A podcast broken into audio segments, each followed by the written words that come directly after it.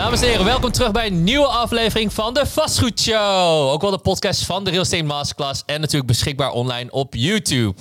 En vandaag naast mij heb ik geweldige Steven weer naast me. Nou, mocht je hem nog niet herkennen, Steven, zou je jezelf kunnen introduceren, wie je bent en wat je doet? Zeker, Steven Tamakiam, vastgoedcoach bij Real Estate Masterclass.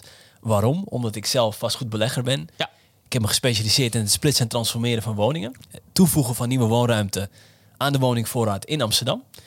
En in dat kader zit ik hier aan tafel om met jou de ontwikkelingen te bespreken op de Amsterdamse en Nederlandse vastgoedmarkt. Inderdaad. Uh, Steven, hoe lang transformeer je eigenlijk al? Split je al? Goede vraag. Ik ben eigenlijk sinds 2018 ben ik actief in het vastgoed. En concreet met splitsen en transformeren ben ik 2020, begin 2020 ben ik daarmee begonnen. Oké, dus eigenlijk uh, net voor corona, gedurende corona? Net voor corona. En juist in corona ja. hebben wij ons huiswerk gedaan met betrekking tot inflatie. Ja. Van, hey, als je nu wat aankoopt, je houdt het een paar maanden aan, dan gingen we de berekeningen maken. En juist door corona ben ik eigenlijk zijn we een paar versnellingen bij gaan schakelen. En dan zijn we, hebben we heel veel aangekocht.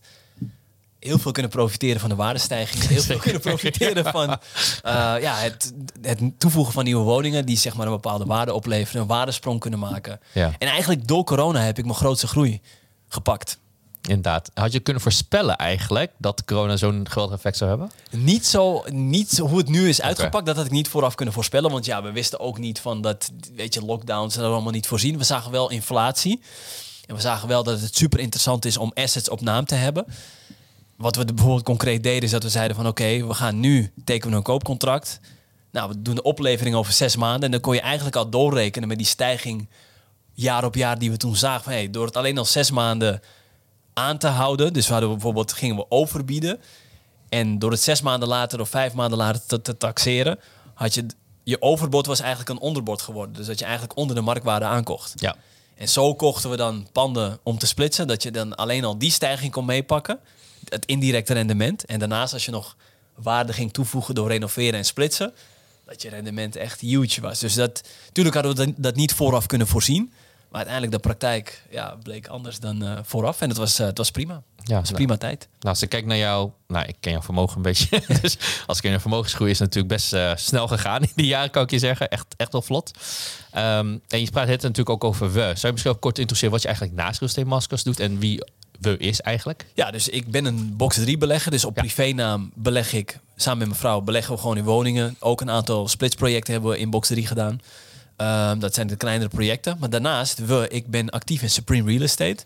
Dat is een zakelijke entiteit waarin we dus, we, mijn compagnon en ik, die, we zijn met z'n tweeën, in die BV kopen we dus panden op. Die splitsen we op en die uh, verhuren we over het algemeen. Ja, perfect. Dus, uh, uh, nou, ik denk dat de meeste mensen dan een beeld bij hebben. jij hebt toch wel, ja, ik denk van eigenlijk alle coaches toch wel de meeste panden eigenlijk kunnen realiseren. Ook voornamelijk door het splitsen. Hè. Je bent toch wel wat ik noem altijd zeg maar, het volgende niveau gaan opzoeken.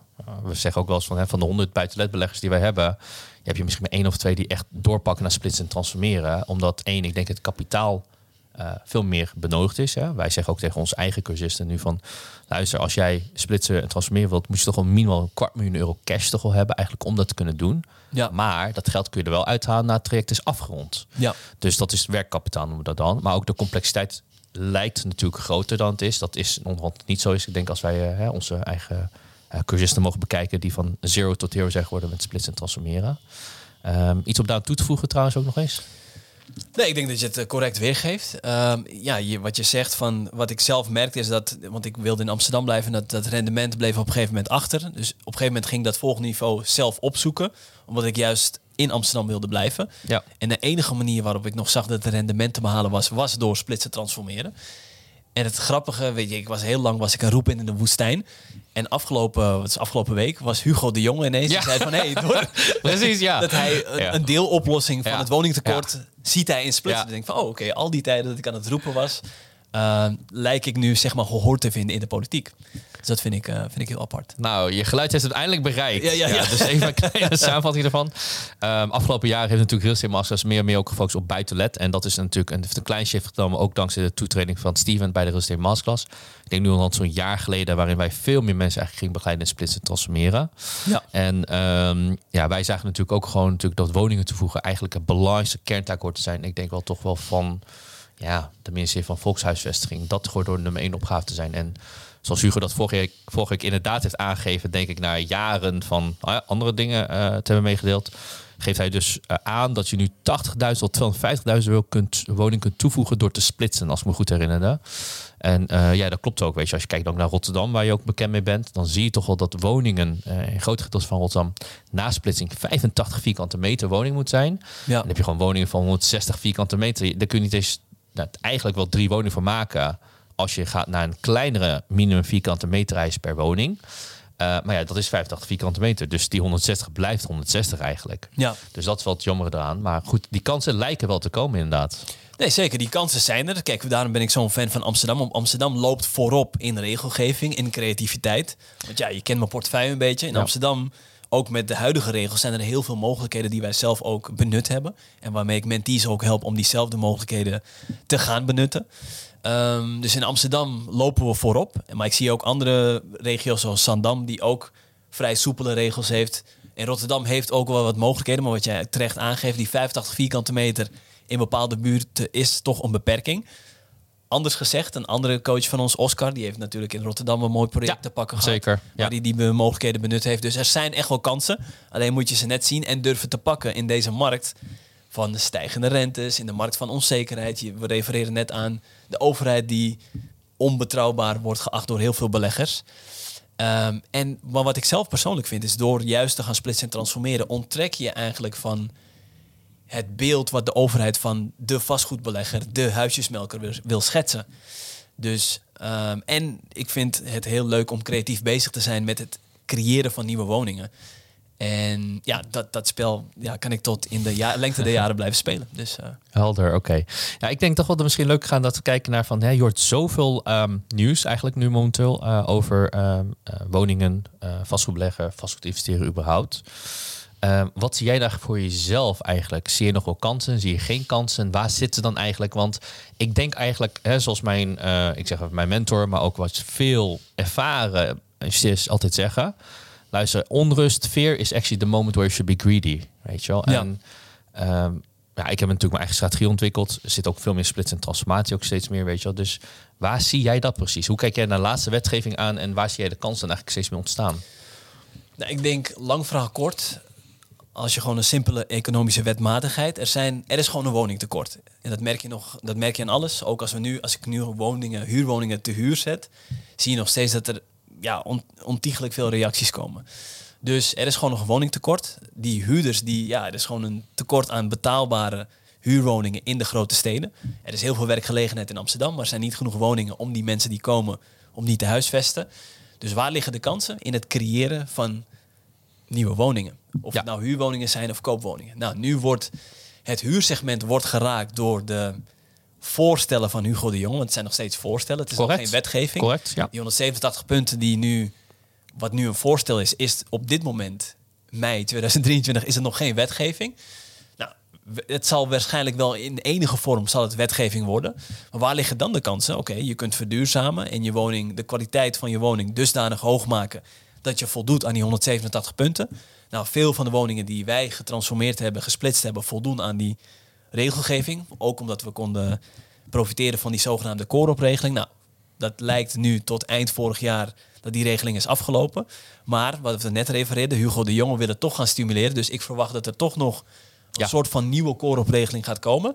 Maar als dat niet komt, dan ligt de kans wat mij betreft, en dat zijn weer de mentees die mij daartoe geïnspireerd hebben, is dat je gaat splitsen, maar niet gaat aanhouden voor verhuur. Omdat het wellicht niet kan door de regelgeving, dat je niet aan die 187 punten komt, maar dat je dan gaat verkopen. Ja. Want ook in het verkoopsegment zie je dat daar ook nog een tekort is aan betaalbare huurwoningen in de grote steden, in Amsterdam bijvoorbeeld. Maar wat je ook ziet is dat het segment appartementen van 50 tot 70, 80 vierkante meter, het, het instapniveau in bijvoorbeeld Amsterdam, dat segment blijft doorlopen. Ja. Je ziet ook als je kijkt van oké, we zitten nu in een corrigerende woningmarkt. Je ziet dat woningmarktprijzen, ja, de transactieprijzen aan het dalen zijn. Maar het segment van waar ik net aan refereerde, die 50 tot 80 vierkante meter, dat segment loopt wel gewoon door. Als je kijkt naar de doorlooptijden van die appartementen, nou, binnen twee maanden worden die appartementen toch nog verkocht. Soms voor de vraagprijs, soms nog erboven, maar niet heel ver eronder. Dus dat segment loopt wel door. En door renovatie en splitsen en transformatie voeg je dusdanig veel waarde toe aan dat soort objecten dat het verkopen van dat soort projecten, het verkopen van die appartementen, dat je daar best veel rendement op kan behalen. Dus Zeker. Daar zie ik nu op dit moment de kansen. Nou, ik denk wel een aantal interessante uh, dingen dat je hebt aangegeven. Uh, en dat is ook heel scherp van jou. Is van, kijk, heel veel mensen uh, zijn allereerst niet bekend met de co-opregeling. Dus misschien dat, voordat ik daar verder ga, zou je kunnen introduceren wat de co-opregeling eigenlijk betekent? Ja, dat is een regeling vanuit de centrale overheid. En uh, lang vooral kort, wat zij proberen te doen, is het stimuleren van de bouw van compacte woningen. Woningen tot 40 vierkante meter. Als je die woningen realiseerde in Amsterdam en Utrecht, de kooropsteden, dan kreeg je vanuit regelgeving kreeg je 40 extra punten in de puntentelling om aan die regelgeving te voldoen. Dus dat je vrije sectorwoning vrije sectorwoningen kon creëren. Ja. Wat betekende dat voor mij concreet? Mijn woningen met de koopropregelingen. Ja, hier heb de taxatierapporten gezien. ik kan vaak uh, ja, ver boven de Echt 200, om jaloers te worden, kan ik je zeggen hoor. Dus, ver, ja, Ver, ver boven de 200 punten. Um, dus ook al zou je die kooropcorrectie... Dus ik, met bepaalde appartementen kwam ik op 232 punten. Dus ver boven die 187. Dus stel, je doet die correctie van 40 punten. Dan kom je alsnog boven die 187 punten. Dus ze waren by far Hugo-proof. Maar die regeling, daar kunnen we nu op dit moment geen gebruik meer van maken. Maar dat was dus een regel om te stimuleren dat er wel compacte woningen in de grote steden werd gebouwd. Nou, nu is er geen regeling, maar ik verwacht dat met ja, het charme-offensief van Hugo de Jonge... dat er wel weer een vergelijkbare regeling gaat komen. Want anders gaat niemand die woningen meer bouwen. En hij ziet zelf al, dat is een ander mediabericht... van dat hij een, ja, een, een dip verwacht in het aantal te realiseren of ja, woningen die gerealiseerd gaan worden. Ja. Dus uh, er moet wel een regeling komen, denk ik. Dat denk ik ook. Dus allereerst uh, misschien belangrijk voor onze kijkers en luisteraars. Uh, ik denk gisteren kwam de nieuws naar buiten waarin Hugo inderdaad voorspelt, verwacht dat er eigenlijk een dip zal komen in 2024. Ik denk dat het nog best een understatement is, want de beramingen lopen uiteen van minus 5,5% daling van nieuwbouwwoningen tot 50%. Ja. Dus ergens tussen 5,5 en 5% zal dat dalen. Wat interessant is, is als je kijkt naar het afgelopen jaar, zie je dan ook dat eigenlijk van de 90.000 woningen die zijn gebouwd, ik dacht ongeveer 15.000 of 25.000 euro uit splitsingen kwamen en die 75.000 uit nieuwbouw. Maar dat is natuurlijk dat, nou, iets dat vijf jaar geleden gelanceerd is eigenlijk. Dus uh, als de nieuwbouw dan daalt en splitsingen daarvan nog wel iets te behalen, daar zat inderdaad eigenlijk inderdaad dan ook de winsten behalen. En wat dan eigenlijk de uh, vertaalslag naar de co-opregeling, waar ik dat vroeg, is omdat de co-opregeling uh, in leven was dacht ik dat 2018 tot 2022, om eigenlijk binnenstedelijke eigenlijk ontwikkelingen te stimuleren. En als je dan kijkt naar de introductie van de wetgeving op 8 december volgens mij 2022 vorig jaar, gaf hij eigenlijk tussen lines ook al door dat eigenlijk binnenstedelijke ontwikkeling moet gestimuleerd worden. Want die nieuwe um, uh, puntentellingssysteem, waar specifiek eigenlijk het punten die wordt toegekend voor een NG-label, is specifiek voor boven de 40 vierkante meter. Ja. Maar er is dus een grijs gebied, momenteel, of in ieder geval een, een black box, zeg maar. Wat gebeurt met woningen beneden 40 vierkante meter? Dus ja, het is heel goed te realiseren, uh, voor te stellen dat om de woningbouw te realiseren, eigenlijk die koopregeling of wordt teruggeroepen, of in ieder geval dat een bepaalde regeling inderdaad komt, waarbij 40 vierkante meter woningen kleiner meer gestimuleerd zullen worden. Ja. En ik ben er ook achter gekomen door veel onderzoek, ook voor deze podcast, kwam ik achter dat de koopregeling ook is uitgebreid voorbij die twee steden. Oh ja? Dus ja. Oké, okay, dat is nieuws voor mij. Nou, zo zie je maar. zo leren van elkaar weer, weet je wel. Dus. Inderdaad. En dat zo zie je maar. Dus dat er, uh, wat belangrijk is dan voor de luisteraars, kijkers, is dat er voor hun meer kansen ontstaan, ook buiten de grote steden. Kijk, ik weet nog niet in welke steden, maar dat er gewoon meer kansen ontstaan. Ja. En dat er ook in een markt ja, die aan het corrigeren is, dat er nog genoeg kansen zijn. Want anders, als je het ook um, als je uitzoomt, dan je ziet nu al dat grote projectontwikkelaars dat ze projecten stilzetten. Ja, zeker. Uh, dat ze niet verder gaan bouwen. En dat Hugo dus die, die, die dip verwacht. Als er geen regeling komt, ja, dan stokt het helemaal qua nieuwbouw. En qua splitsen transformeren. Want ik denk wat ook belangrijk is om te beseffen is dat ja, je hebt de grote jongens die dan grote complexen uit de grond stampen. Maar dat zijn projecten van jaren. Vijf jaar, zeven jaar, acht jaar. Terwijl met splitsen transformeren kun je binnen een jaar kun je echt redelijk wat, ja, wat woningen creëren door splitsen en transformeren. Binnen een jaar kun je zo tien woningen creëren uit een aantal projecten die je tegelijkertijd doet. Zeker. En als je kijkt dan eigenlijk naar, even heel, heel objectief gekeken ook naar cijfers, denk ik dan. Als je dan kijkt naar uh, uh, hoe de woningmarkt zich eigenlijk verhoudt, is dat eigenlijk het lage segment, de starterswoning tot 4 ton, laat ik het zo zeggen, daar zijn nog kopers voor te vinden. Ja. Ik heb nu bijvoorbeeld een woning waarbij een van mijn eh, joint venture partners dan ook eigenlijk uh, eruit wil stappen. Dat gooi op Funda en het wordt gewoon overboden. Ja. Je, het wordt gewoon alsnog overboden. Dat is dus uh, even één constatering. Maar ten tweede, je ziet gewoon dat panden tussen ja, half miljoen, miljoen meer natuurlijk, maar ook kluspanden specifiek, met grote oppervlaktes, die blijven echt lang online staan eigenlijk. En daar zit inderdaad heel veel kansen momenteel om hè, een incourant object, zou je bijna kunnen zeggen, uh, eigenlijk te vertalen naar courantere objecten, waarbij je dan eigenlijk winst kunt behalen. Ja. Dus uh, dat is volgens mij wat jouw mentees ook momenteel aan doen zijn. Zeker. En wat je ook ziet is dat nu, daar is geen wetenschappelijk onderzoek naar gedaan, maar dat zie je gewoon vanuit de praktijk. Kijk, de bouwkosten zijn enorm gestegen, daar vertel ik niets, niets nieuws mee. Maar wat het, het, gevolg daarvan is dat men minder bereid is zelf te verbouwen. Ja. Dus wat je merkt is dat als jij kant-en-klare woningen realiseert, die gewoon voldoen aan de eisen, de hedendaagse eisen, waar dat gewoon instapklaar is, dat men wel bereid is daarvoor te betalen. En als jij net bent, als jij net die belegger bent, die splits, die een object splits in drie, vier, vijf woningen, dat zijn allemaal kant-en-klare woningen die gewoon modern zijn. Een goed energielabel hebben, want mensen weten vaak ook niet hoe ze moeten verduurzamen. Ze willen dat ook niet. Dus als jij die kant-en-klare woningen aanlevert, dat men wel bereid is daarvoor te betalen. En dan, dan komt inderdaad dat ook op dat soort woningen, dat er gewoon wordt overboden. Ja, je refereert aan menties. Ehm, ik heb iemand die ik mag begeleiden inderdaad, die bijvoorbeeld een deal doet in Oud-Zuid op een A-locatie. En daar zie je gewoon nog vierkante meterprijzen van 10, 11, 12.000 euro de vierkante meter. Maar voor kleinere compacte woningen. Ja, voor kleine compacte woningen inderdaad. Waarvan mensen al zeggen, ja, dat, dat, dat kan niet. Maar dat wordt gewoon nu concreet vandaag de dag in 2023 gerealiseerd. Ja um, middels splitsen en transformeren. Dus dat, dat kan echt wel. Kunnen we een deal deep dive doen, zeg maar? Meestal doe jij die uh, sessies, maar ik wil dit keer even met jou doen. Van, wat, wat tekenen ze nou? Wat zijn de prijzen? Uh, uh, hoeveel winst valt er nou echt te behalen? Misschien is dat ook een hele goede. En ja, wat is de, ja, hoeveel kunnen verdienen eigenlijk aan zo'n project om heel plat te slaan? Nou, als we het concreet hebben over die, ja, diegene die ik, mag, die ik nu begeleid, die in Oud-Zuid bezig is, nou, die heeft net een project getekend. De aankoopprijs daarvan, ja, schrik ik niet dat is wel weer zo. Uh, eh, 1,4 miljoen euro. Precies. Daar kan hij vier woningen van creëren. Uh, de oppervlakte, volgens mij de kleinste is 50 vierkante meter en de grootste 80 vierkante meter. Maar in dat segment zie je dat de vierkante meterprijzen waarmee gerekend wordt, dat is minimaal 10.000. En er zijn ook genoeg referentietransacties geweest die dat ondersteunen. Dus het is geen luchtfietserij. Er zijn echt ook er zijn genoeg referenties die ondersteunen dat die vierkante meterprijs van 10.000 dat die er is. Uh, dus wat het eigen geld. Kijk, we zijn nu bezig in de financieringsfase. Hij heeft eerst het contract getekend. We moesten eerst nog een funderingsonderzoek doen. En daar is uitgebleken dat hij minimaal funderingscode 2 heeft. Dus dat betekent concreet dat de verwachting is dat 25 jaar de fundering onderhoudsvrij is. Nou, dat is prima voor zijn project. Want als jij in Amsterdam een pand hebt wat ouder is dan 1940, dan moet je nog een aparte splitsingsvergunning aanvragen bij de gemeente. Um, en ja, die gaat hij dus krijgen nu, omdat hij dus de juiste funderingscode heeft. Dus 25 jaar onderhoudsvrije fundering.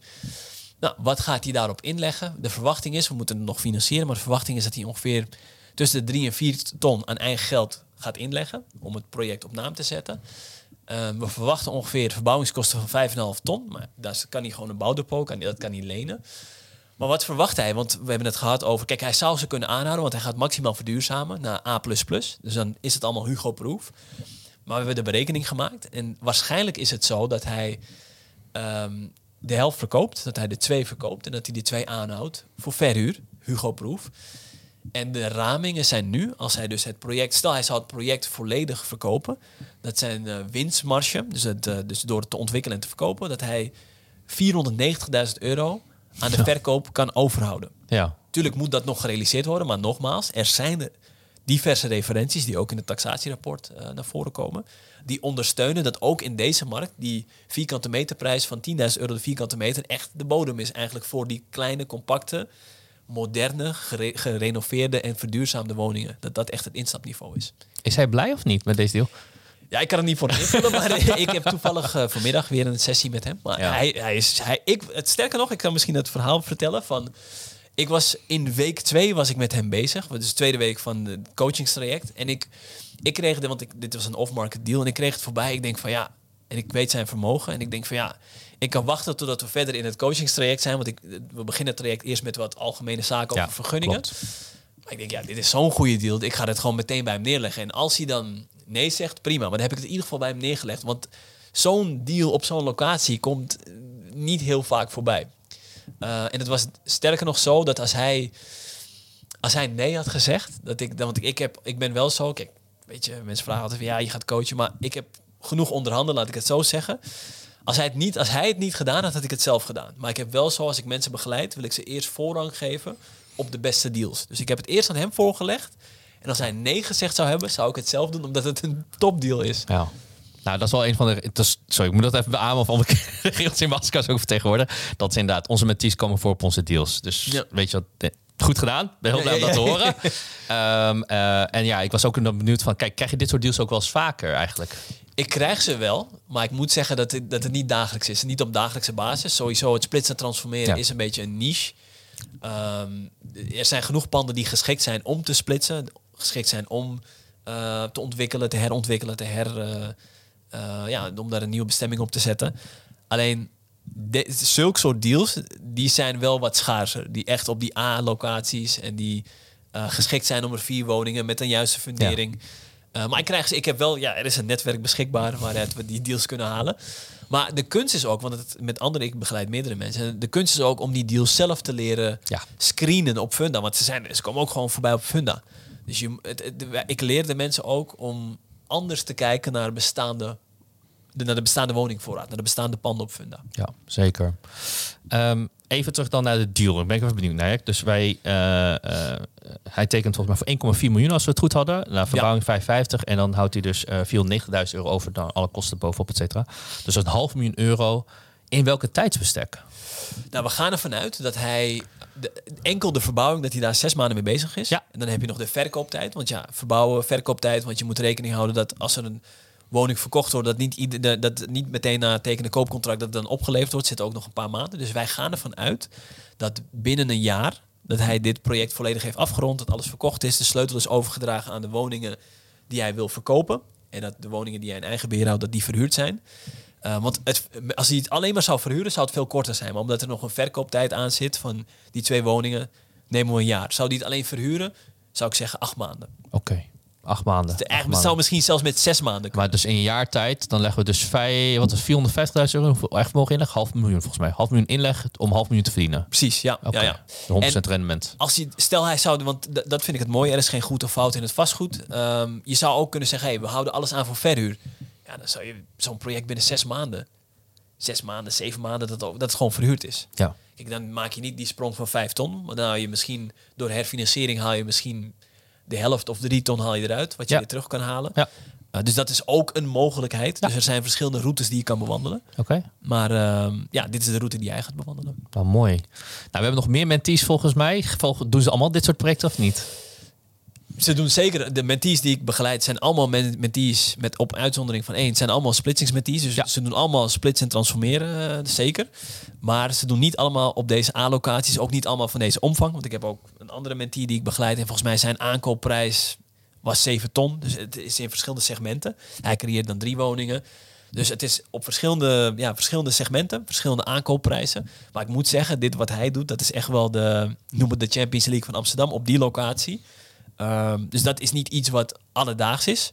Maar die deals zijn wel beschikbaar. Ook als je nu op Funda kijkt, zijn er heel veel herenhuizen. Heel veel van die grote panden van 200 vierkante meter plus 300 vierkante meter.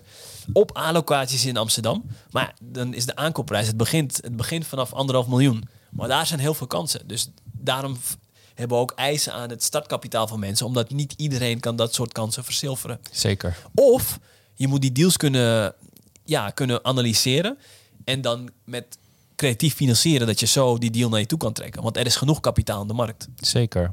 Heb je nog genoeg kapitaal om zulke deals te doen? Vraag ik me nu even af. Um, nou, ik moet zeggen, ik ben met meerdere. Mijn kapitaal zit best wel vast in heel veel projecten. Maar jij weet het als geen ander. Als belegger leer je op een gegeven moment de vaardigheid van het ophalen van kapitaal. Ja. Eigenlijk is de deal is vaak belangrijker dan het geld. Als jij een hele goede deal hebt, volgt het geld vanzelf. En dat klinkt heel abstract.